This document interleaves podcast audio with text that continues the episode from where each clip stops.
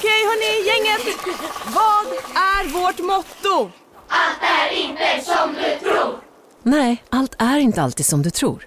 Nu täcker vårt nät 99,3 procent av Sveriges befolkning baserat på röstteckning och folkbokföringsadress. Ta reda på mer på 3.se eller i din 3-butik. Som medlem hos Circle K är livet längs vägen extra bra. Just nu får du som ansluter dig 50 öre rabatt per liter på de tre första tankningarna och halva priset på en valfri biltvätt. Och ju mer du tankar, desto bättre rabatter får du. Välkommen till Circle K. Välkommen till Maccafé på utvalda McDonalds restauranger med Baristakaffe till rimligt pris. Vad sägs om en latte eller cappuccino för bara 35 kronor? Alltid gjorda av våra utbildade baristor.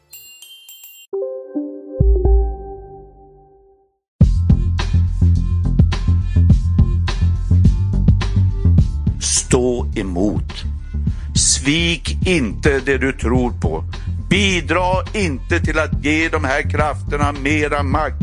Högerextremisterna, de behöver mer motståndare, inte kopior. Gävle-imamen Abu Rad och hans son har blivit tagna i förvar av Migrationsverket och kommer enligt anhöriga att utvisas. Det här skriver tidningen Expressen. Och det var en politisk kohandel och eh, samtidigt så var det en läkning i att få reda på hur det verkligen gick till. Att det blev, jag blev politisk för eh, kontroversiell.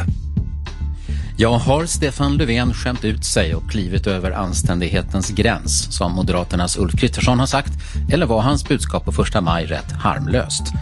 Imamen i Gävle moské, Abo Rad, är frihetsberövad. Men vad är det som Säpo anser att imamen har gjort? Och kan man utvisas efter 23 år i Sverige? Joakim Berner var mediepojken med guldbyxorna. Nu berättar han hur partipolitiska påtryckningar gjorde att han stoppades från att bli VD för Sveriges Radio. Veckopanelen från Kvartal skärskådar valda delar av den gångna veckan. Jag heter Staffan Dopping.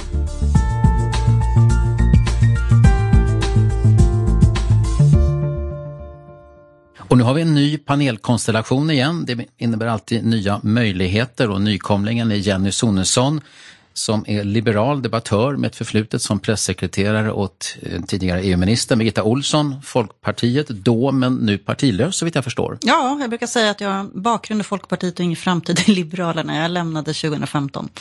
Ja, mycket välkommen till Mm, veckopanelen. Och så Marika Lindgren Åsbrink, socialdemokrat, utredare på LO och van att tänka långt och strategiskt. Ja, hoppas det. Är inte det en bra beskrivning? Det var en väldigt fin beskrivning. Ja, jag har inte hört någon som har sagt emot den där. Och så David Eberhard, överläkare i psykiatri, författare och debattör. Välkommen! Tack så mycket. Har det varit en intressant vecka tycker ni? Ja, det måste jag väl säga att det har ju hänt. Bara de här tre ämnena som vi ska ta upp är intressant alla tre. Så att det, det, ja, det är verkligen intressant. Jag ser fram emot att få tala om Stefan Löfvens första majtal, för jag tycker det är en ny lägsta nivå i svensk politik. Marika? Ja, det kan, nej, det, det håller jag inte med om, men det kan vi ju prata om. Absolut. Ja, det ska vi väl prata om. Det ska vi prata om, men innan vi går vidare några ord med min kollega Jörgen Wittfeldt som just har levererat en fredagsintervju med Joakim Berner som vi kommer dryfta den lite senare med panelen. Det framstår, Jörgen, som en rätt naken skildring av de här intensiva åren i Joakim Berners liv. Mm, jag tog hem boken i helgen, alltså förra helgen, eh, utan särskilt höga förväntningar, för jag har läst många memoarer och det brukar vara rätt så självförhärligande. Mm. Den här stack ut, för den var inte det. Eh, och då tänkte jag att det här är en person som har funderat mycket och är beredd att prata mer uppriktigt. Eh, och det tycker jag nog att han gjorde också. Han är inte nöjd med allt han har gjort långt därifrån. Och, eh, det är liksom en uppgörelse på något sätt med honom själv. Förutom det här med Sveriges Radio som vi ska prata mer om sen, vad var det något annat också som du fastnade för i Berners memoarbok? Många saker. Dels att han eh, väldigt ofta verkar ha känt sig missförstådd i olika sammanhang. Eh, bland annat hans borgerliga bakgrund har lagts honom till last och man har klistrat på honom, tycker han då, att han skulle vara borgerlig eller höra till det politiska lägret. Och han menar ju till och med då att det var det som gjorde att han inte blev vd på Sveriges Radio. Sen är det väl också att det är ovanligt att höra makthavare som, som har, har varit så högt upp eh, vara så nakna i eh, att hålla fram sina egna tillkortakommanden och misslyckanden. Det var befriande eh, faktiskt, tycker jag. Och så talar ni om vad det är att flirta, vad, vad som är okej och inte okej. Mm, ja, det, det är intressant det där, för jag tror många relationer, historiskt i alla fall, har börjat mellan kollegor där den ena mm, kanske är överordnad den andra i någon mening. Men efter metoo och säkert innan också, så det är ju inte okej okay, så att, säga, att vara chef och flörta med sina underlydande. Och det var väl det som han då gjorde. Eh, han själv menar ju att det var väldigt harmlöst. Men det blev ju en viktig beståndsdel i det som gjorde att han inte blev vd mm. för Sveriges Radio heller. Alltså att han skulle ha, ja det blåstes upp menar han till sextrakasserier, vilket han hävdar att det absolut inte var fråga om. Vi måste lyssna på den där fredagsintervjun. Eh, första maj då, lagom till det publicerade vi ju en artikel om LO och LOs svaga medlemsutveckling på senare år. Eh, Mikael Sandström som har varit statssekreterare under Fredrik Reinfeldt skrev den där. En ganska hård analys av, av hur LO har skött sin uppgift i samhället. Mm, minst lika viktigt som hans bakgrund i Moderaterna tror jag är hans bakgrund som chefsekonom eh, inom TCO. För att det, det han skriver mm. i den här texten är ju att tjänstemannafacken har lyckats mycket bättre med att bromsa medlemstappet. Och det som han då hävdar hotar den svenska modellen är att LO helt enkelt börjar tappa så mycket legitimitet. Mm. Eh, på grund av medlemstapp men också på grund av då den facklig politiska samverkan med Socialdemokraterna i ett läge när eh, andelen eh, S-väljare inom LO understiger hälften. Eh, det är väl hans, hans argumentation i sammanfattning. Vad mycket LO det blir här för Viktor Bart Kron här lagom till första maj. Han granskade ju vilka budskap som Stefan Löfven framförde på Norra Bantorget för ett år sedan eh, i hans nya videosuccé Veckan med Viktor. Eh, och ja, han, han är ju lite hårdragen ibland ja. där, men han säger så att den svenska modellen ska avvecklas, men utan SD. Det är ett budskap. Ja, den var hård, men den var rolig också. Alltså, det är klart att det är tacksamt att ta Stefan Löfvens första majtal från förra året och jämföra med den politik som nu genomförs i samarbete med Liberalerna och Centerpartiet. Det, det är ju lite öppet mål. Eh, ja. Och det, ja, men, eh, Svårt att motstå. Eh, några korta ord kanske om våra specialproduktioner som vi har när EU-valet närmar sig. Mm, ja, men eh, vi, har, vi musklar också upp oss inför EU-valrörelsen. Vi eh, gör en intervju med EU-kommissionären Cecilia Malmström nästa vecka. Vi har två EU-valsdueller som mm. sker istället för fredagsintervjun på fredagsintervjuns eh, släpptid, så att säga fredag klockan 13.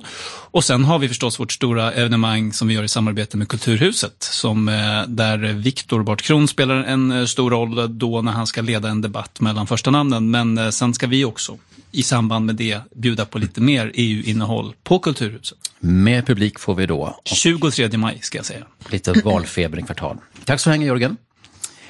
Eh, nu till panelen igen. Jenny Sonesson, Marika Lindgren Åsbrink och David Eberhard. Ingen av er behövde resa så långt för att komma hit, men ni kanske har funderingar på den här pilotstrejken som nu, den pågick en hel vecka. Vad har den betytt?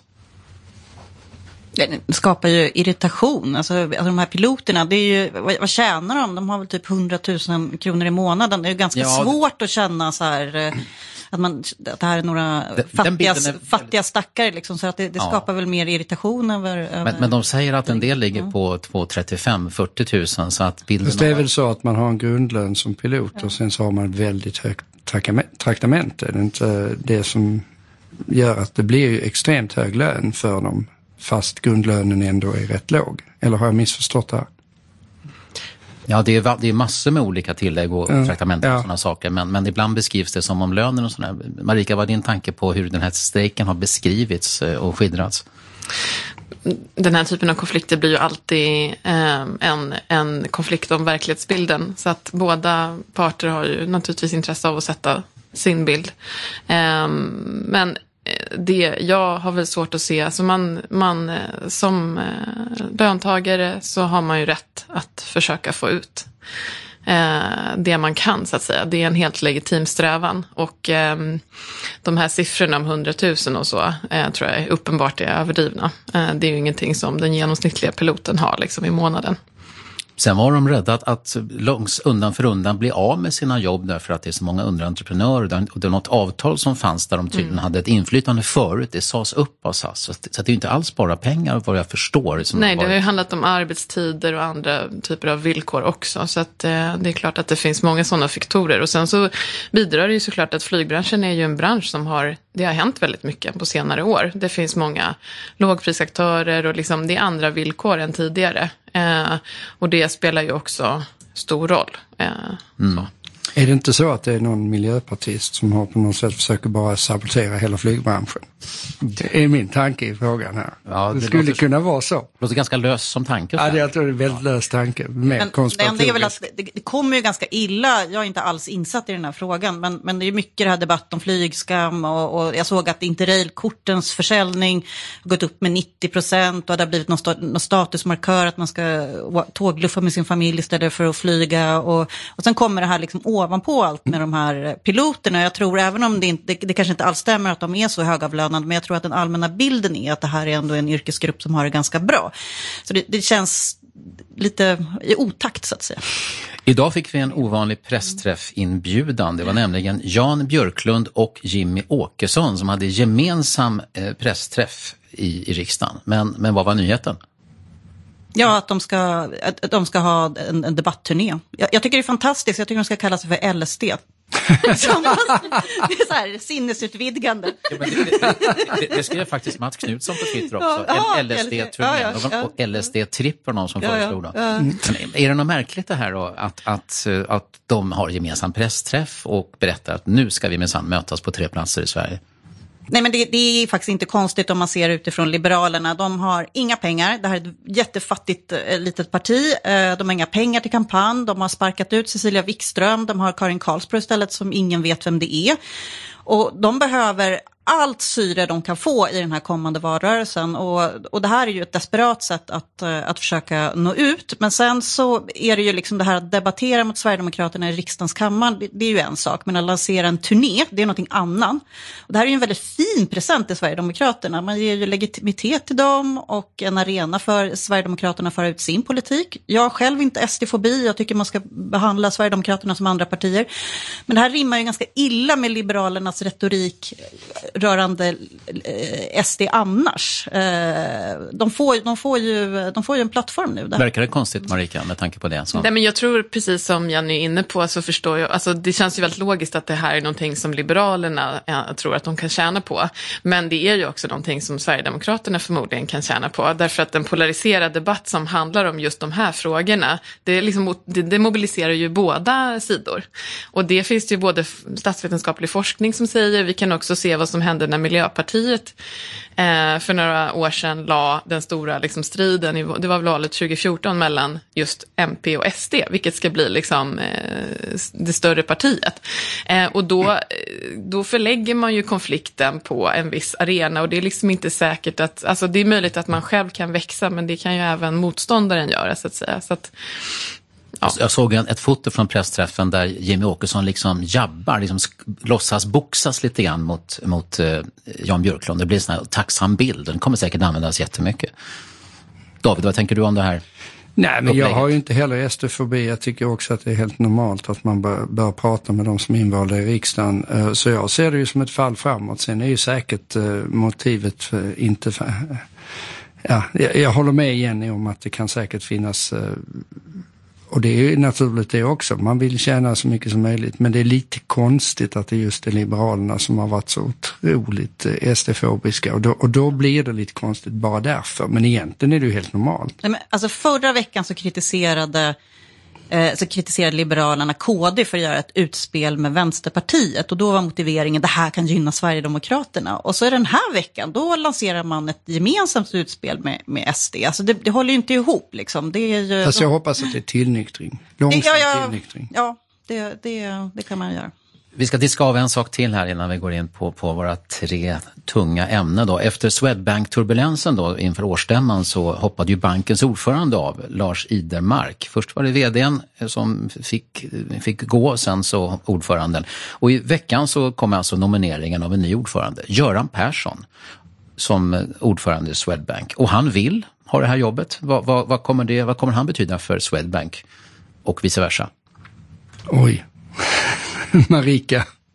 nej, jag, jag har nog ingen särskild åsikt om det. Han har hårda nypor, det vet ju alla. Mm. Och, eh, men vad, vad kommer det sig att, att det är en superkänd före detta toppolitiker som föreslås till det här jobbet och inte en välmeriterad bankperson? Men han, alltså det är konstigt, jag, jag trodde ju aldrig att jag skulle säga det här, men jag som borgerlig gillar ju Göran Persson. Det är ju, jag, jag tror han har faktiskt blivit betydligt mer folk, folkkär, så att eh, jag kan inte uttala mig om alla deras bevekelsegrunder, men, men Göran Persson går ju hem. Eh, alltså, jag, tror, jag tror nästan Göran Persson är mer populär bland borgerliga idag än, än Fredrik Reinfeldt. Ja, men om man tänker lite grann på banken, där. du ska alltså bli en ja. VD också, Någon, en VD som ska ja. vara under då en av eh, en, under en styrelse som leds av en stenhård före detta partiledare, finansminister och statsminister. Vem vill ha det jobbet? Ja. Alltså, Marika, vad tror du? Ja, det kan väl bli intressant. Men, äh... Eller måste det också vara en sån här supertungviktare? Det är inte lätt att hitta så många samma månad kanske. Som... Nej, jag har inte så bra insyn i bankvärlden. Jag vet faktiskt inte vilka som står på kö. Liksom. Då går vi rakt in i veckans första ämne.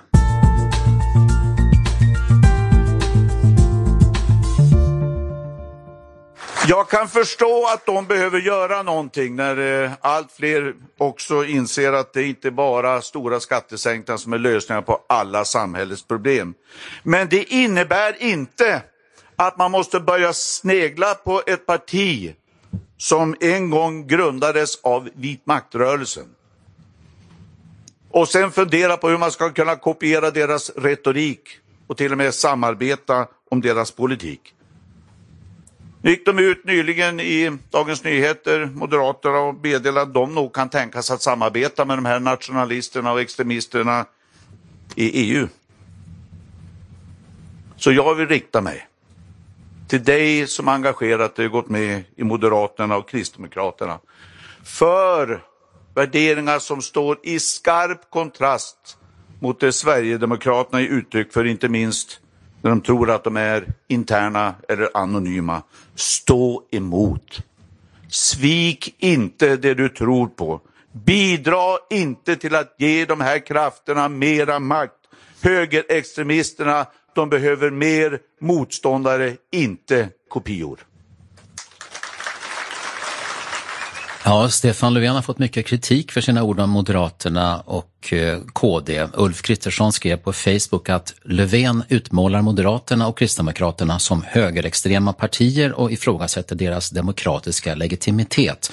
Och Kristersson lägger till denna första maj var djupt ovärdig Sveriges statsminister.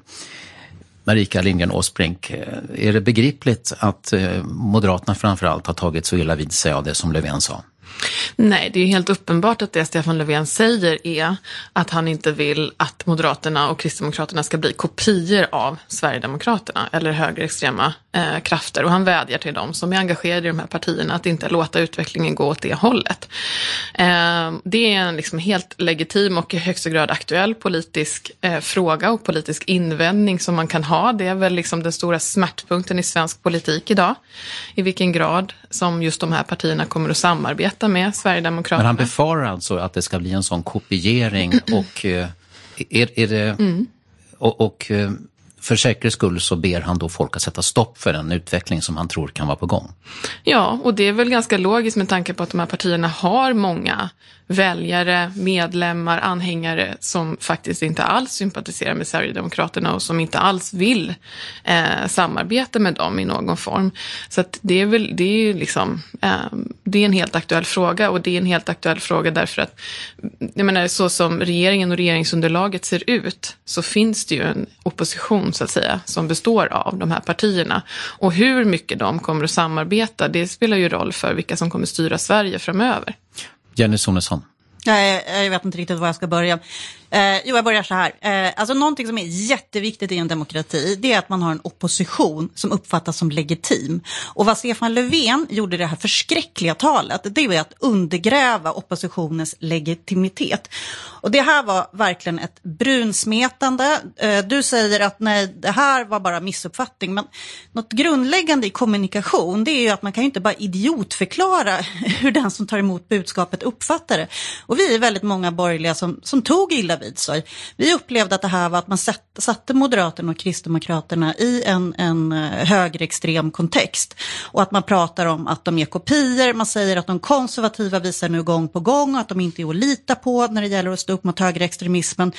Eh, och jag har själv varit talskrivare till en minister. Det är väldigt, alltså ordens valör och betydelse. Man kan inte uttrycka sig så här slarvigt och jag kan inte låta bli att undra om man, det här är liksom en hundvissla. Man, man vill undergräva oppositionens legitimitet genom det här. Eh, Men sa Löfven verkligen att Moderaterna och KD i, i, redan idag har någon slags eh, högerextrem Men Han pratar ju om Sophie Scholl som 1943 dömdes till döden för förräderi, för, för, för av nazisterna då. Och att det är, det är bara Socialdemokraterna som kan vara hennes arvtagare. Och sen i, alltså hur hela talet är uppbyggt och, och alltså, så är det liksom att man, man sätter de här två partierna i en högerextrem kontext. Och eh, man säger inte rakt ut att det här är högerextrema partier, men man insinuerar det eh, på ett sätt som, som, som jag tycker är. Och sen så är det det som någonting som var väldigt viktigt. Det är ju, vem höll tal precis innan Stefan Löfven? Jo, det var Lina Faratz, tror jag hon heter, från S-kvinnor. Och det var, alltså det talet, det är, eh, hon sa ungefär så här, och, och alla jublade. Eh, påminner inte detta om judarnas situation under Hitlertiden? Förintelsen började inte med gaskamrarna. Högern har aldrig varit så bra organiserad i Europa. Samtidigt håller det på att bildas ett nytt högerblock i Sverige. Ingen har väl missat att KD med Ebba Busch Thor i spetsen kommer att samtala med SD. Alltså hon nazismetar Kristdemokraterna och drar paralleller med gaskamrar och högerns organisering i Sverige. Eh, alltså på ett sätt som är otroligt... hon talade liksom strax före Stefan Löfven. Ja, precis, hon var liksom pepp precis bara minuten, minuten innan. Och självklart har ju man tittat på det här talet, man släpper inte upp någon okänd människa innan statsministern. Så att man ska ju se hela den här kontexten, att man vill liksom sätta, sätta KD och Moderaterna i en högerextrem kontext. Det är mycket illavarslande, vi behöver en legitim opposition i Sverige. Marika? Men alltså, det, eh, det är klart att man vill Eh, precis som att Moderaterna och Ulf Kristersson med sitt eh, inlägg som också har en extremt hög ton, ett, ett högt to tonläge. Det handlar ju om att liksom göra det väldigt dyrt politiskt att förknippa Moderaterna med till exempel Sverigedemokraterna. På samma sätt så vill Socialdemokraterna göra det dyrt att samarbeta med ett parti som Sverigedemokraterna. Och det är liksom den retoriken som, eh, det förklarar den retoriken man använder. Men reaktionerna men alltså, från de borgerliga partierna, man, vad säger ja, de om dem? det hysteriskt? Ja, de är hysteriska. Men det är ju för att de är, är på väg att, på, eller de håller ju på på olika sätt. Lokalt så samarbetar man redan. Ebba Busch Thor har varit tydlig med att hon ska samtala. Alltså Moderaterna är väl inte riktigt lika tydliga, men det är ändå lite så här både och å ena sidan. Det, alltså det är klart att man, eh, de man samtalar med och de man samarbetar med blir man färgad av. Det är helt omöjligt att undvika detta och det är ju det Moderaterna och alltså borgare generellt försöker låtsas om. Att liksom vi kan samarbeta med Sverigedemokraterna utan att det säger någonting om vilka vi är, utan att det säger någonting om våra politiska värderingar. Det går inte. Man blir färgad av den man samarbetar med och det måste tydliggöras. Ja, jag måste som psykiater säga ja. att det, jag blir inte färgad. Det är som jag har sagt det sen Sverigedemokraterna hade 13 procent i valet. Nu har de 17-18 eller någonting och det är så att om jag inte hade samtalat med de 13 procenten sa jag vid tillfälle nu 17 av mina patienter. Jag blir, skulle jag bli färgad av dem för att jag samtalar med dem? Det är ju precis vad de säger. Vi gör upp om de frågor där vi är överens. Och det är ju ändå så att när det gäller de här, det är ju snarare lite beklagansvärt kan man ju säga att eh, det är ju så att det finns en stark eh, majoritet av Sveriges befolkning som har vissa uppfattningar om till exempel invandring, där det är en otrolig majoritet som inte företräds av regeringens politik utan som företräds av, av eh, andra eh, sammanlagda, bland annat Socialdemokraterna som själva först inte byggde murar och sen plötsligt så har de en extremt restriktiv migrationspolitik som inte då man står för nu. Så det här, hela det här samtalet, att allting bara handlar om Sverigedemokraterna i sig är ju ett problem därför att det gör att vi får en massa oheliga, konstiga eh, icke, skulle jag säga, legitima eh, konstellationer som ska styra Sverige. Så jag tycker att, inte nog med att det är otroligt illa och det har ju varit i 15 år att allting som eh, syftar till att vi ska ta svenska folkets oro på lite större allvar än vad man i den politiska klassen har gjort. Det leder automatiskt till en brunsmetning. Så jag skulle säga det här är ett klassiskt exempel på att, och jag förstår det ur ett maktperspektiv. Ja. Hade jag varit Stefan Löfven så hade jag, och hade jag varit socialdemokrat skulle jag också sagt, ja men det är skitbra. Men det är dålig, dålig stil kan man säga. Det är liksom inte gentlemannamässigt. Det är ett ful, fulspel på hög nivå. Ja, det, det, är klart att det handlar om makt. Alltså, det är ja. det som är den stora skillnaden mellan politik och psykiatri. Jag menar, jag pratar ju också privat med Sverigedemokrater. Det har jag inga problem med. Det kan vem som helst göra. Eh, och på samma överens. sätt så kan man samtala i en riksdagskorridor med en sverigedemokrat om man tillhör ett annat parti. Det är inte det det handlar om. Det handlar just om makten. Vem ska ha makten? Vem ska bilda regering? Vem ska ha regeringsunderlag? Och i det så handlar det, alltså det är naivt att låtsas som att man inte men, behöver ge och ta ja, men det i en sån självklart, förhandling. Men det, är ju, det här är ju no-brainer. Hela svenska folket vill ju ha en restriktiv eh, migrationspolitik, vilket är Sverigedemokraternas enda uh, USP. Det, det, de har ju ingen annan USP. Och det vill alla ha. Så var, it's a no-brainer. Det, det är ju inte så att svenska folket går med på att vi slänger ut alla människor. Men det, står, det... Nog, det står fler saker på spel här. Sverigedemokraterna har också andra åsikter än bara den. Det är klart att det spelar roll. Ja, men, men, men du kan inte, du kan inte du, jag menar, i så fall skulle du inte vara politiker om du, måste, om du kan schackra bort din egen ideologi. Då skulle du inte syssla med politik överhuvudtaget. Och det tycker jag är det stora problemet, är att politiker i allt för hög grad schackrar bort sin egen ideologi. Men det beror ju på hur folk röstar. Alltså det handlar om maktförhållandena i ja, Sveriges man, man ska komma, man ska, man ska komma överens, men man kan inte schackra bort ideologin. Jag skulle bara vilja återvända till talet, som jag sa tidigare att jag har varit talskrivare. Och att skriva tal, det innebär, det är inte som att skriva en faktamanual. Det här handlar, man vill väcka känslor, man vill väcka, väcka bilder hos åhörarna, engagemang. Eh, och när du säger att, eh, att eh, det är hysteriska reaktioner, att man låtsas att man är upprörd, så är det otroligt arrogant. Alltså du, du, du kränker mina känslor. Jag blev jätteledsen när jag, det, här, det här talet, liksom, som jag upplever då som ett brunsmetande. Så att, alltså vi har en väldigt polariserad debatt i Sverige idag. Och när statsministern, som är landets ledare, håller ett sånt här försåtligt tal och som är så polariserande, så, så är det inte bra ledarskap. Eh, och, eh, han sa ju annat också, han citerade ju Tage Erlander i början mm. och det kommer flera gånger, nämligen det här, mm. den väg vi hade att vandra, eller den vi har att vandra, den måste vi gå tillsammans.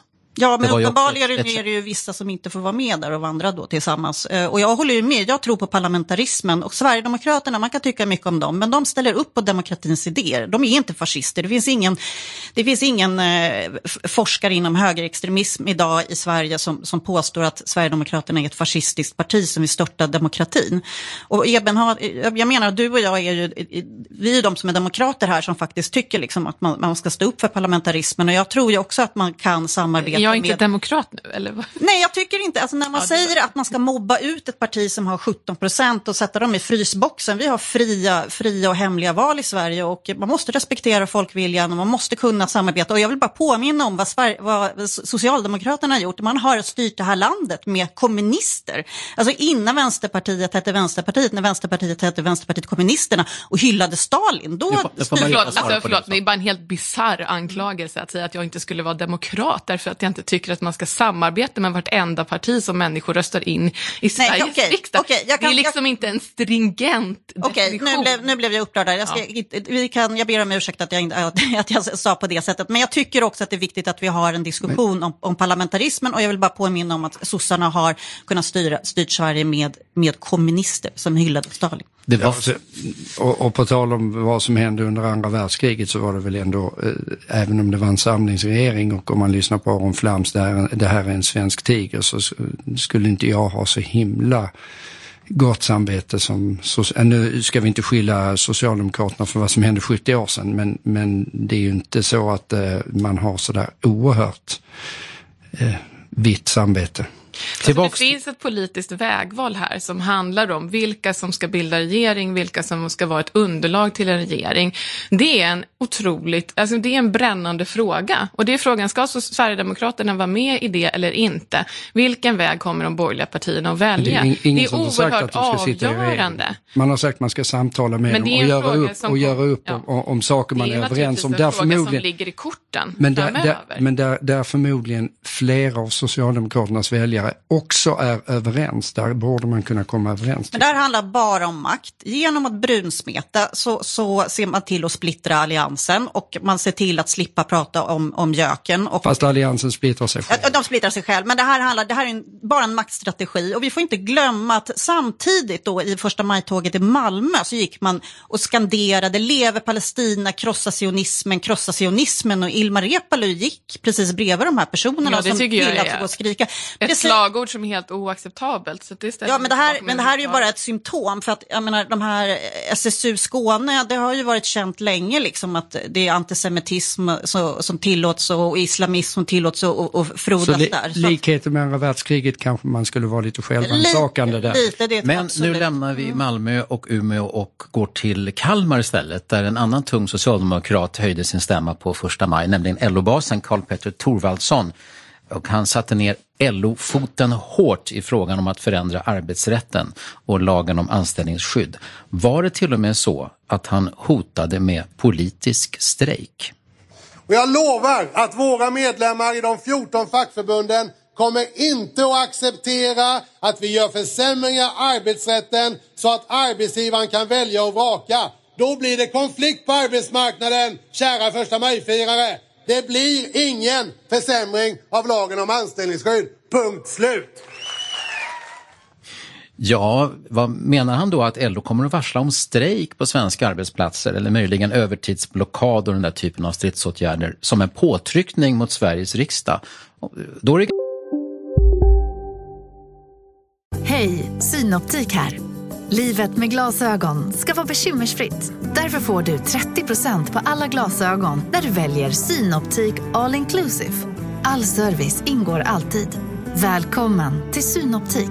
Big Mac har miljarder fans över hela världen. Under mer än 50 år har den skapat popkulturell historia. En legend med 100% nötkött och den mytomspunna såsen. Nu finns Big Mac för bara 39 kronor på McDonalds.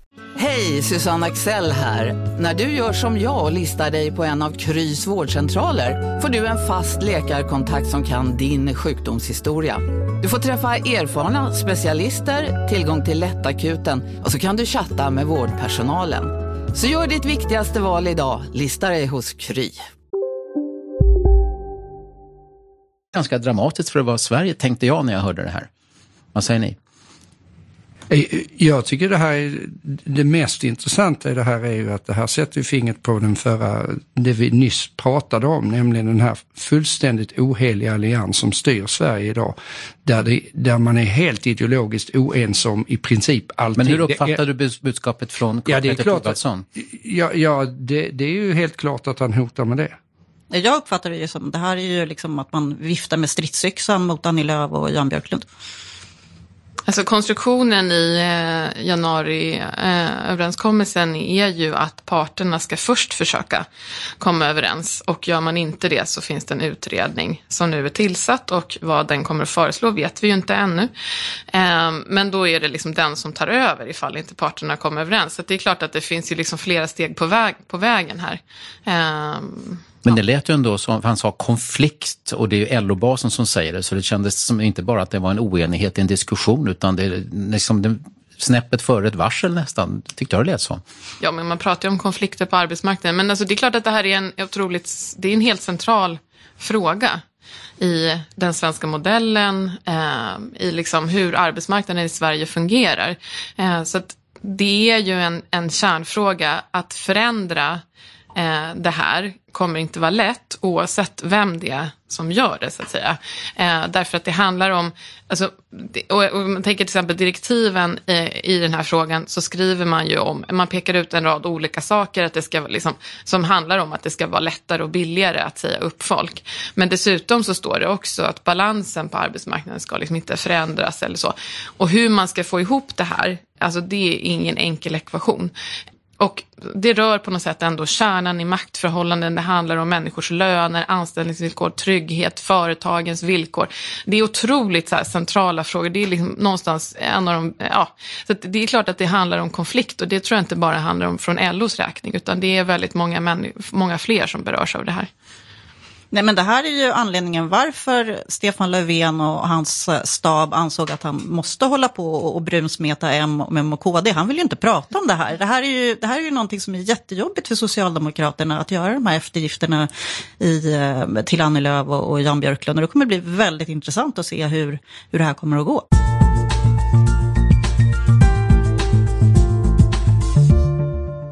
Hej! Vi hoppas att du som lyssnare och läsare är nöjd med innehållet på Kvartal. Vi vill ju bidra till att det offentliga samtalet ska präglas av kunskapssökande, nyfikenhet och integritet. För att du inte ska missa något skickar vi ut nyhetsbrev till våra prenumeranter och den tjänsten är också gratis. För att få nyhetsbrevet går du in på vår sajt kvartal.se och klickar på fliken prenumerera. Sen följer du instruktionerna där. Tack för att du följer och stöder Kvartal. Veckopanelen fortsätter med rikets säkerhet. Gävle-imamen Abo Rad och hans son har blivit tagna i förvar av Migrationsverket och kommer enligt anhöriga att utvisas. Det här skriver tidningen Expressen. Migrationsverket bekräftar för P4 Gävleborg att de fattat ett beslut om förvar av Gävleimamen Aborad Abo och hans son. Men skälen till beslutet är sekretessbelagda. Däremot finns det inte något utvisningsbeslut av de två hos Migrationsverket. Enligt tidningen Expressen så fick Aborad och hans son permanent uppehållstillstånd i Sverige 1998. Däremot har deras ansökningar om svenskt medborgarskap avslagits vid upprepade tillfällen. Så har det rapporterats i P4 Gävleborg. Aborad kallas alltså den man som i många år har lett den här omtalade moskén i Gävle, Al-Rashiden-moskén. Han har många, många gånger påståtts vara anhängare av extrema åsikter och i ord stött Islamiska staten bland annat. Han har bott i Sverige i över 20 år men har alltså inte blivit svensk medborgare och för drygt en vecka sedan greps han av Säpo, eller snarare omhändertogs. Rent juridiskt är det här lite speciellt eftersom det hänger ihop eh, med lagen om särskild utlänningskontroll. Väldigt lite fakta om vad som ligger bakom har kommit ut men det mesta tyder på att Aborad och hans vuxne son har bedömts utgöra en fara för rikets säkerhet. Båda två har alltså förts till ett förvar då och det är sånt som man brukar göra eh, innan det blir utvisning. Är det bara jag som tycker att det är uppseendeväckande när en religiös ledare i Sverige tas i förvar på uppdrag av Säkerhetspolisen och kanske är på väg att utvisas? Nej. Det är inte bara jag. Nej. Eller, eh, jo, alltså, jag, jag tycker nej. inte det är uppseendeväckande Nej, jag tycker inte det är alls. uppseendeväckande heller. Jag tycker det är alls. jättebra. Jag tycker det är fantastiskt. jag vill citera Karl Poppers toleransparadox. Eh, om om tolera, toleranta människor eh, tolererar intoleranta så kommer de, to, i, i allt för hög grad så kommer de toleranta försvinna. Och det här är ett typexempel på det. Vi måste skydda, skydda våra medborgare från eh, extrema inslag och det är det vi har Säkerhetspolisen till. Så jag tycker det är helt När naturligt. jag säger uppseendeväckande så menar jag att det finns en åh fan-faktor. Ja, det var- Ah, Okej, Alltså, okej. ja, det är jag med om. Det är, och, och den är positiv. Jag tycker wow, Säpo, wow. Det är Nej, men det har är, alltså, till. Sverige har ett FN-sanktionerat folkrättsligt ansvar att vidta åtgärder mot eh, terrorism. Och det här är rätt. Säpo har gjort bedömningen att den här imamen utgör ett akut hot mot rikets säkerhet. Och det finns ju en lag som man lutar sig mot också, som heter lagen om särskilda utlänningskontroller, LSU. Så det finns ju ändå en demokratisk kontroll. Men alltså, annars, när det talas om utvisning av människor som har begått hemska handlingar så är det ju ofta så att, att man vill att det ska finnas en ordentlig rättegång och det ska, ha, lagen, det ska vara eh, advokater och sånt där och man ska kunna få sin, sin rätt prövad och sånt där. Här handlar det om att det är inte alls en rättegång på gång utan är det så att man blir utvisad på de här grunderna så, så sker det utan sånt helt enkelt. Och eh, det, det är ju en helt annan insyn än med, med människor som, som blir åtalade och sådär. Nu är det här två personer som inte är svenska medborgare men, men han har alltså bott här i över 20 år. Eh, Marika Lindgren Åsbrink, vad är din reflektion kring det här? Nej, men det är ju omöjligt att ha någon insyn. Det ligger lite i sakens natur på något sätt och jag kan liksom inte värdera det. Men eh, det är ju precis det här Säkerhetspolisen har till uppdrag att göra och den bedömningar som de behöver göra och det finns lagstöd för att göra det. Så att eh, jag litar ju på deras bedömning i det här fallet och eh, eh, rikets säkerhet är liksom inte frågor som man kan ta lätt på. Eh, I SVT Nyheter så har två anställda på Gävle moskén intervjuats, bland andra moskéns, eller församlingens ordförande, Mohammad Al-Najjar. Och han säger till SVT att han inte har någon kännedom om vad som kan ligga bakom det här omhändertagandet, men han uttrycker sig ganska milt, tycker jag, om det som har hänt. Han säger till exempel, vem är jag att avgöra om han är ett hot eller inte mot svensk säkerhet? Säger alltså ordföranden om, om, om sin egen imam. Eh, så vi tvingas ju alltså spekulera här. Det, annars ibland brukar det komma väldigt, väldiga protester mot, när en, en, och det talas om islamofobi och hatkampanj och sådana saker. Här är det en intressant relativ tystnad runt det här. Men det finns ju massor med varningssignaler runt den här Abu Rad. Eh, och han, alltså han har ju öppet hyllat IS framgångar. Han har vid uttryckligen har skrivit vid något tillfälle så här. Be för era syskon och stötta dem med era pengar, er själva och era tungor. Eh, och syftar då på, på IS. Eh, och han har även samlat in i moskén han samlat in pengar till självmordsbombares barn. Och det tycker jag ändå nästan är en form av uppmaning till att man ska kunna bli självmordsbombare om man vill ta hand om Han har själv sagt att han har menat att man ska stötta humanitära organisationer ja. med sina formuleringar. Eh, Säpo säger ju ingenting om det här, men publicerades faktiskt en text i torsdags på sin hemsida. Säpo nämner inte alls imamen i Gävle eller hans son eller ens Gävle men skriver om tillväxten i extremistmiljöerna och skriver också att det är Säkerhetspolisens uppdrag att individer som inte är svenska medborgare och som är ett hot mot Sveriges säkerhet förhindras att stanna kvar i Sverige. Och Säpochefen Claes Friberg uttalar sig också i det här, som alltså inte alls nämner just det här fallet, och säger att det är viktigt att vi använder de lagar och regler som finns för att skydda Sverige och demokratin.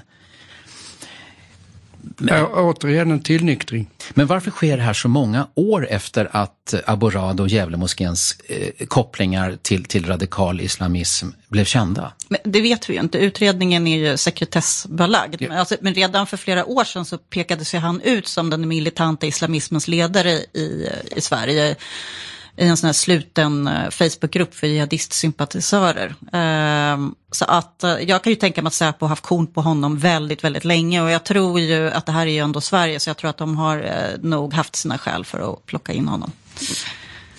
De flesta uppgifterna Han är ju här... uppbackad ekonomiskt av Saudiarabien och Qatar också. De flesta uppgifterna kommer alltså från Expressen och nyhetssajten doku.nu det var de som för en vecka sedan avslöjade att, att Aborad som är 53 år och hans 34-årige son skulle tas i förvar och eh, allting tyder på att det förbereds för en utvisning. Det här har också granskats tidigare av Gävle Dagblad har ju haft en, en, stor satsning på det här.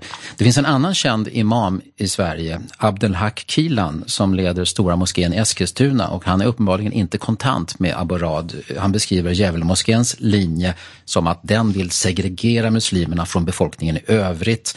Eh, Abdelhak Kilan har en annan syn också på, eller en helt, helt annan syn på hur muslimerna ska förhålla sig till det omgivande samhället och han kallar eh, Aborads islamism för våldsuppmuntrande och säger till Expressen att Aborad och en grupp salafister runt honom vid flera tillfällen har försökt ta över moskén i Eskilstuna. Mm. Men att det har blivit så pass lite protester mot det här gripandet eller omhändertagandet, för det är inte, eh, har det någonting med att Säpo i, i, idag har väldigt starkt förtroende i det svenska samhället? Eller vad kan det bero på denna en, en, en tolkning är ju att eh, om han står för en extrem variant av islam så kan den vara nog så farlig, men det är också så att den kanske inte har så brett stöd eh, i Sverige. Gefle Dagblad har skrivit att, att vanliga muslimer i, i länet där hör av, har hört av sig till mm. tidningen och varit oroliga för den här utvecklingen. Mm. Då, så att, att, ja, det är väl ganska talande. Men, det säger ju också någonting viktigt. Men han, den, hans jävla moskén finansieras ju av en person som heter Umayr al-Nujami. Jag vet inte, men han blev i alla fall 2013 terrorlistad av amerikanska finansdepartementet. För han har finansierat alltså terrorgrupper som al-Qaida i Irak eh, och al-Shabaab i Somalia. Alltså, alltså det är väldigt, väldigt skumt. Jag kan ju tänka mig att det kanske finns ganska många muslimer som, som har koll på det här. Liksom, att, eh, att, de är, att de är direkt våldsbejakande, att det finns skumma kopplingar då till Saudi Saudi och, och Qatar och sådär. Eh, och eh, Försvarshögskolan kom förra året med en eh, rapport om den salafistiska miljön i... Du sitter och googlar här mitt under. Nej, de kom med den salafistiska miljön i, i, i, Sverige och då är de väldigt noga med att säga att det finns massor med problem med att den salafistiska miljön växer i Sverige. För de tror till exempel inte på demokrati, men de är också noga med att betona att de flesta salafister är inte våldsbejakande. Så att det kan vara precis som ni säger, att de kan ju ha reagerat mot hans eh, budskap. Tror ni vi får veta någon gång vad som har hänt egentligen här? Eller? Hoppas jag inte. Nej men, ja, men det är Säpos grej. Jag menar, varför ska vi veta vad Säpo gör? Bara de har lagstöd för vad de gör så tycker jag att det är inte vår sak. Utan det hindrar bara Säpo skulle jag säga om vi ska ha kännedom om allting. Och jag tror att det blir så lite protester. i Två saker. Dels är det uppenbart en islami våldsbejakande islamist. Det låter ju även för oss som inte har full insyn helt uppenbart. Och det innebär att muslimer i allmänhet som ni har sagt redan tidigare sympatiserar inte med den här personen. Inte ens salafist. Mm. Inte, nej, ja, det, men i alla fall inte muslimer i allmänhet sympatiserar inte med det här. Plus att det faktiskt visar att det som väldigt många som vi prat, tangerade tidigare, det finns ett problem här som ingen har adresserat och nu gör Säpo det vad gäller den här extremistmiljön så att säga. Och det, det tror jag allmänheten är helt för. Alltså jag tror att om du skulle göra någon slags opinionsundersökning skulle du ha 85-procentigt stöd minst. Alltså. Sen de här IS-återvändarna nu som kommer, de bosatte sig ju inte på Östermalm eller i Djursholm eller någonting, utan det är ju de här utanförskapsområdena där många muslimer bor. Och det är väl klart att man tycker det är obehagligt. Så att eh, det är väl, man, är, man är väl rädd helt enkelt livrädd. Då går vi vidare i veckopanelen och tittar närmare och lyssnar på föremålet för veckans fredagsintervju.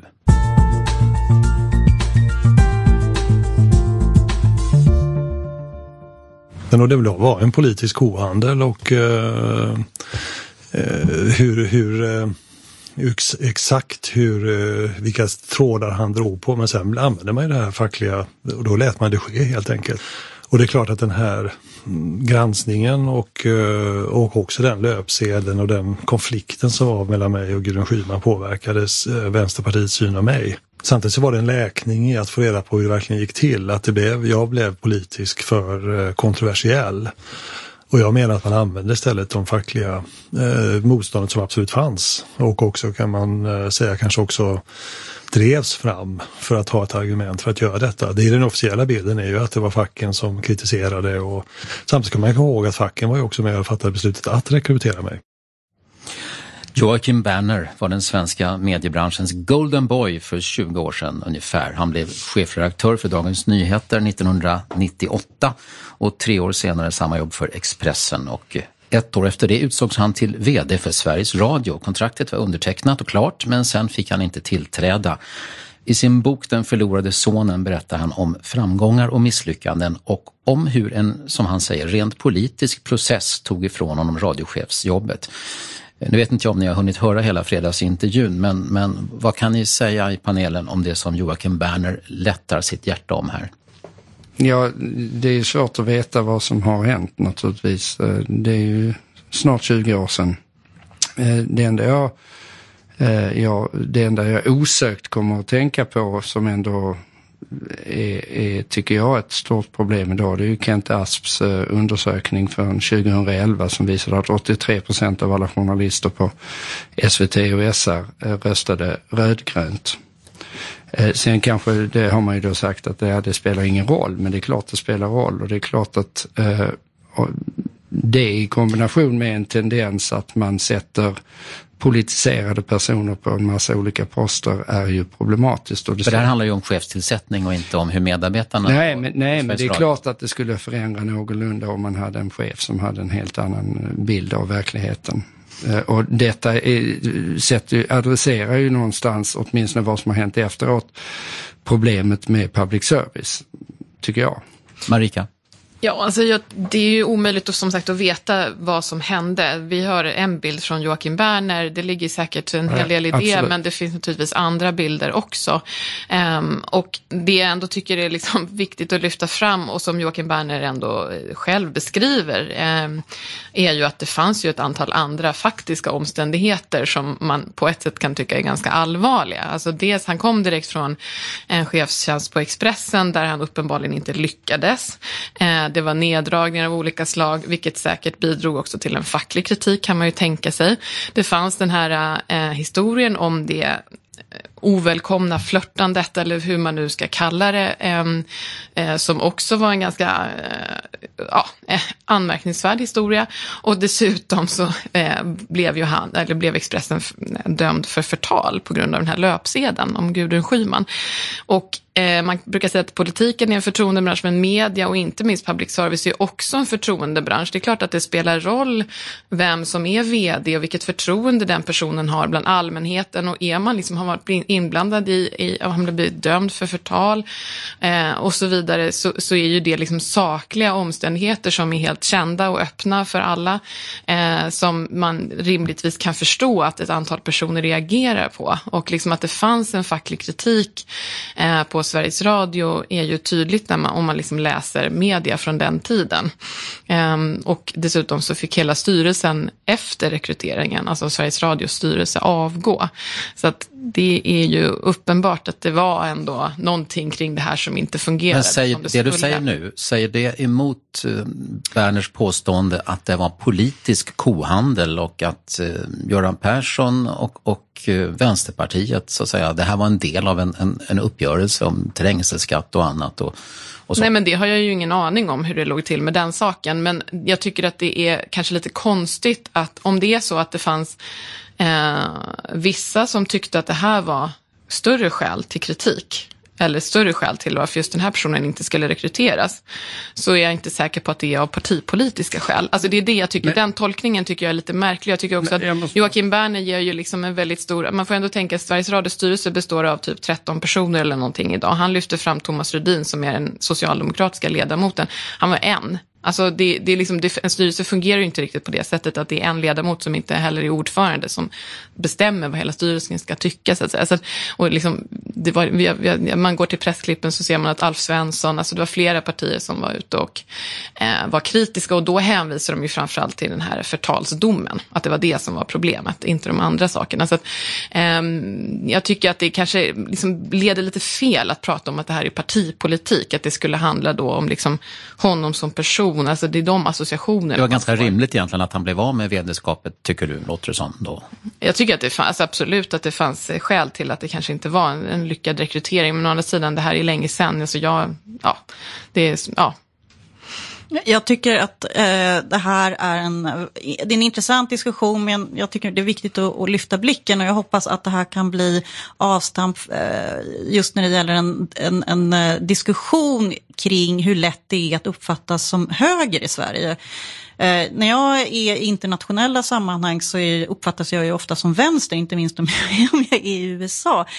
Men i Sverige så ses man ju som något så här eh, riktigt eh, högerspöke. Så att eh, jag tycker ändå att även om det finns massa andra saker när det gäller den här historieskrivningen, absolut, det ska man lyssna på, så är det ändå intressant att ta till sig det här resonemanget som han för, hur han upplever det här kring att han då har blivit bortvald av politiska skäl. Han säger att han både vid en lunch med Göran Persson fick bekräftat att, att det var den här politiska kohandel eh, och eh, Ulrika Messing nämner han också som har bekräftat samma sak enligt Berner i den här boken som han har kommit med nu. Mm. Ja, och jag, jag har bara en synpunkt där. Jag menar, om nu facket hade synpunkter, varför hade de inte det först? Mm. Det, det, är också lite konstigt, det som talar för Berners historieskrivning. Sen är det ju när det gäller saker så är det alltid många olika saker. Det är väldigt lätt att komma och peka ut en enda faktor. Men det är klart att det är lite bestickande att eh, facket faktiskt accepterade dem först. Varför ändrar de sig plötsligt? Men alltså jag tycker att det bara, det, det, det verkar ha funnits olika uppfattningar i styrelsen om man läser i media bakåt. Eh, det är mycket möjligt att det delvis hade att göra med liksom, vilket parti personen från början i styrelsen hade blivit nominerad av. Eh, men jag menar partipolitik handlar ju om verkliga saker. Alltså det är kanske inte är så konstigt att man också från partipolitiska, alltså om man, beroende på vilken ideologi man har, desto liksom beror det på hur mycket värderar man fackets synpunkter, hur mycket värderar man liksom eh, den här domen eller hur mycket värderar man eh, de här eh, diskussionerna om sexuella trakasserier eller ja, vad, det nu, vad, vad det nu var för någonting. Alltså det, det är ju någonting man kan värdera olika i en styrelse och det kanske sammanfaller med vilken politisk uppfattning man har. Men jag tycker att det, liksom, det är lite konstigt att stanna vid att det bara skulle handla om en politisk kohandel, för det fanns ju sakfrågor i botten. Nej, nej, men jag tycker det är viktigt att lyfta, lyfta frågan lite från Joakim Berner egentligen därför att det, om det nu är som han säger så det kanske inte stämmer rakt av men, men, men det, man kan problematisera tycker jag hela tillsättningsförfarandet av eh, myndigheter eh, inklusive public service. Det är ju inte en myndighet. Nej, inklusive okay. Eh, mm. plus public service och andra så att säga offentliga mm verksamheter som ju i väldigt hög grad, och det är ju inte första gången så det varit diskussioner kring att det är politiserade tillsättningar av olika eh, verk och myndigheter. Och, och, jag tycker att det här är rätt problematiskt eh, därför att det som händer, det blir den här deep state variant, djupa staten, att man faktiskt tillsätter politiska marionetter eh, i, i väldigt hög grad. Jag kanske låter lite konspiratorisk här men eh, mm. eh, inte så lite. nej, nej, men, nej men jag menar det är klart att det är en realitet att man tillsätter gamla, och då kan vi komma tillbaka till Göran Persson i Swedbank men det är ett privat företag så det kanske inte är riktigt applicerbart. Men, men, men, men när det politiseras eh, i, i väldigt hög grad så tycker jag det är problematiskt. Jag tycker att man ska se över och se hur ska man se till att det inte eh, nu kan, beside, Joakim Berner lämnar vi, men hur ska man se till att det inte blir så? Och det skulle ju vara väldigt intressant om man kunde hitta fler liknande vittnesmål som, som ehm, alltså, tyder på samma sak. Om det förekommer den här typen av politisk ohandel eller den här typen av, av tjänstetillsättningar inom som, som eh, det här. Eh, om, det, om det är något som är vanligt förekommande. Sannolikt så har det inte bara, om det har förekommit så är det inte bara vid det här tillfället. Så det kanske är någonting för Kvartal att gräva i. Jag tänkte på att, att Jörgen Wittfeldt som intervjuade Berner, han sa ju att eh, generellt sett så berättar ju, det är ju inte någon självförhärligande story utan han beskriver massa då, dåliga insatser och, och, brister och sådär. Så att det, och själv tyckte, det låter som att Berner inte tyckte att det här var jätteuppseendeväckande. Han sa tvärtom att det var lite läkande för honom när han fick klart för sig eh, vad, hur det hade gått till för att han gick säkert med en massa konstiga dåliga tankar om varför han plötsligt inte dög längre och sådär. Fast det innebär ju inte att det var rätt. Mm. Bara, bara för att han tycker att jag, jag fattar att jag är bara en bricka i ett politiskt spel. Det, det innebär inte att det är rätt. Mm. Men tror ni att det kan få några svallvågor idag då med tanke på diskussionen om public service-företagen och, och uh, oberoendet från den politiska makten? Eller är det här... Ja, det kan väl spä på eh, bilden eh, att, att public service är vänstervridet. Ja, och hur vore det om den bilden späddes på? Alltså... Nej men det är ju inte bra. Det är inte bra. Alltså det är, man kan ju se att, att eh, public service har ju högt förtroende bland vänsterväljare och betydligt glapp där hos, hos Ganska stort glapp. Mycket, stort glapp eh, just hos medborgarna när det gäller, gäller förtroendet. Så att eh, bland mer borgerligt sinnade väljare så har man ju inte samma, samma ställning och det är ju väldigt oroande. Och frågar man Sverigedemokrater så är det en väldigt stort glapp. Ju. Det är också oroande eftersom man kan se eh, att partierna behandlas ju olika Eh, Eh, I valrörelsen så behandlades ju partierna olika generöst. De, ett av de partier som granskades allra hårdast och behandlades minst generöst var Socialdemokraterna. Och det, det syns liksom i de undersökningar som görs. Och det här, eh, det vet jag såg Peter Wolodarski resonerade på Twitter om, att det liksom finns en, en eh, alltså media är så medvetna om att det här förtroendeglappet finns och att det är partipolitiskt färgat, att man överkompenserar. Så man granskar hårdare då liksom partier till vänster eh, medan liksom andra partier får lite mer av en skjuts. Så att det här är absolut problematiskt att det ser ut på det sättet. Och det kan säkert, jag håller med dig, det kan säkert vara så, det är en överkompensation. Men jag menar att public service är så mycket mer än, än att granska politiska partier. Och det är faktiskt där problemet med förtroendet huvudsakligen ligger. Det är allting annat som görs. Nu pratar vi kanske inte Melodifestivalen och sådana här saker, men alla andra kulturprogram och så här, där är, där är det ju tror jag, ännu mindre förtroende för public service än vad det är för Aktuellt och Rapport och Agenda och sånt där. Ska vi lämna Joakim Berner och ta oss an eh, veckans ord om ni har snappat upp något sånt eller veckans person? Jag har snappat upp en, en spaning där. Mm. Per, nu säger, jag säger alltid fel, heter han Per Bolund eller Per Inte bolån. Nej, men Ja. Miljöpartiet har ju kongress i helgen i Örebro tror jag det är och då ska man ju välja ett eh, nytt språkrör Per Bolund, efter uh, Gustaf Fridolin och då blir det ju Per Bolund eh, som är uh, föreslagen av valberedningen.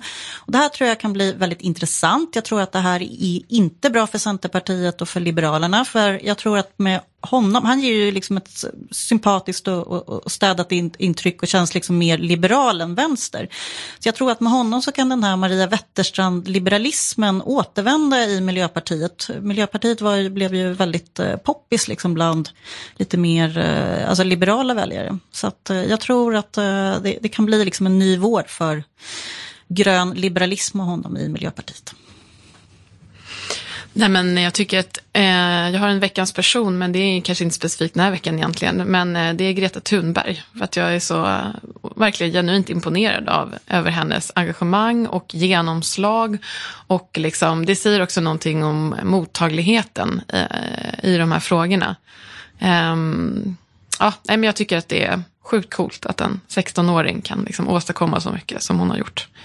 Hon har förhoppningsvis bara börjat. Ja, jag är lika fascinerad som du över hennes genomslag, men där stannar nog likheten.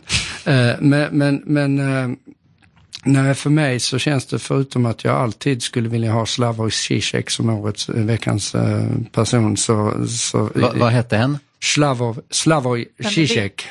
En eh, filosof från Slovenien som är fantastisk. Jag rekommenderar alla att lyssna på hans debatt med Jordan Peterson där han faktiskt ägde ut honom rätt rejält. Mm, trots knackig engelska. Eh, Men, men, eh, men bortsett från det med tanke på att vi pratar public service så får jag ändå slå ett slag för Aron Flams lilla de demonstration utanför Sveriges Television som ändå var ganska underhållande även om den var lite konspiratorisk. Eh, Jaha, även om det var... Eller kanske just därför. Nej, nej men det var ju väldigt ro, roligt inslag. Han, protesterar mot Sveriges Television. Och med tanke på det vi pratade om Joakim Berner, om det nu stämmer. Eh, jaha, eh, hur ska veckändan tillbringas? Ute eller inne? Det blir väl snöblandat regn i helgen. har jag ska, bara, jag ska till Gröna Lund med avkomman. Eh, vi får se hur det blir. jag har lovat. Oj, det låter som en risktagande där. Mm. Marika? Ja, nej men det blir väl precis. Ja, snöblandat regn, inne, ute, blandning. Ja. Själv ska jag ikväll gå på Let's Dance med Maggan Graf. Jaha. det är väldigt, väldigt spännande. Ja, ska- Okej, det, det är kanske inte hela veckan ändå, men det är Nej, det är inte hela veckan. Nej, sen, sen så tar jag hand om familjen i lördag söndag. Stort tack till panelens medlemmar. Jenny Sonesson, debattör med förflutet i Folkpartiet som det hette då. Marika Lindgren Åsbrink, socialdemokrat och utredare på LO. Och David Eberhard, författare och överläkare i psykiatri. Och missa som sagt var inte fredagsintervjun som Jörgen Wittfeldt har gjort. Och på söndag så får ni en ny intressant analyserande samtidstext på Kvartalssajten. Det är någonting att bita i. Ja, tack så mycket. Tänk själv och trevlig helg.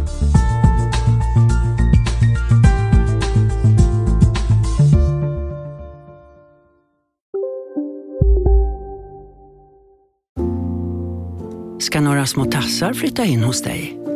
Hos Trygg Hansa får din valp eller kattunge 25% rabatt på försäkringen första året. Läs mer och teckna djurförsäkringen på trygghansa.se. Trygg Hansa, trygghet för livet.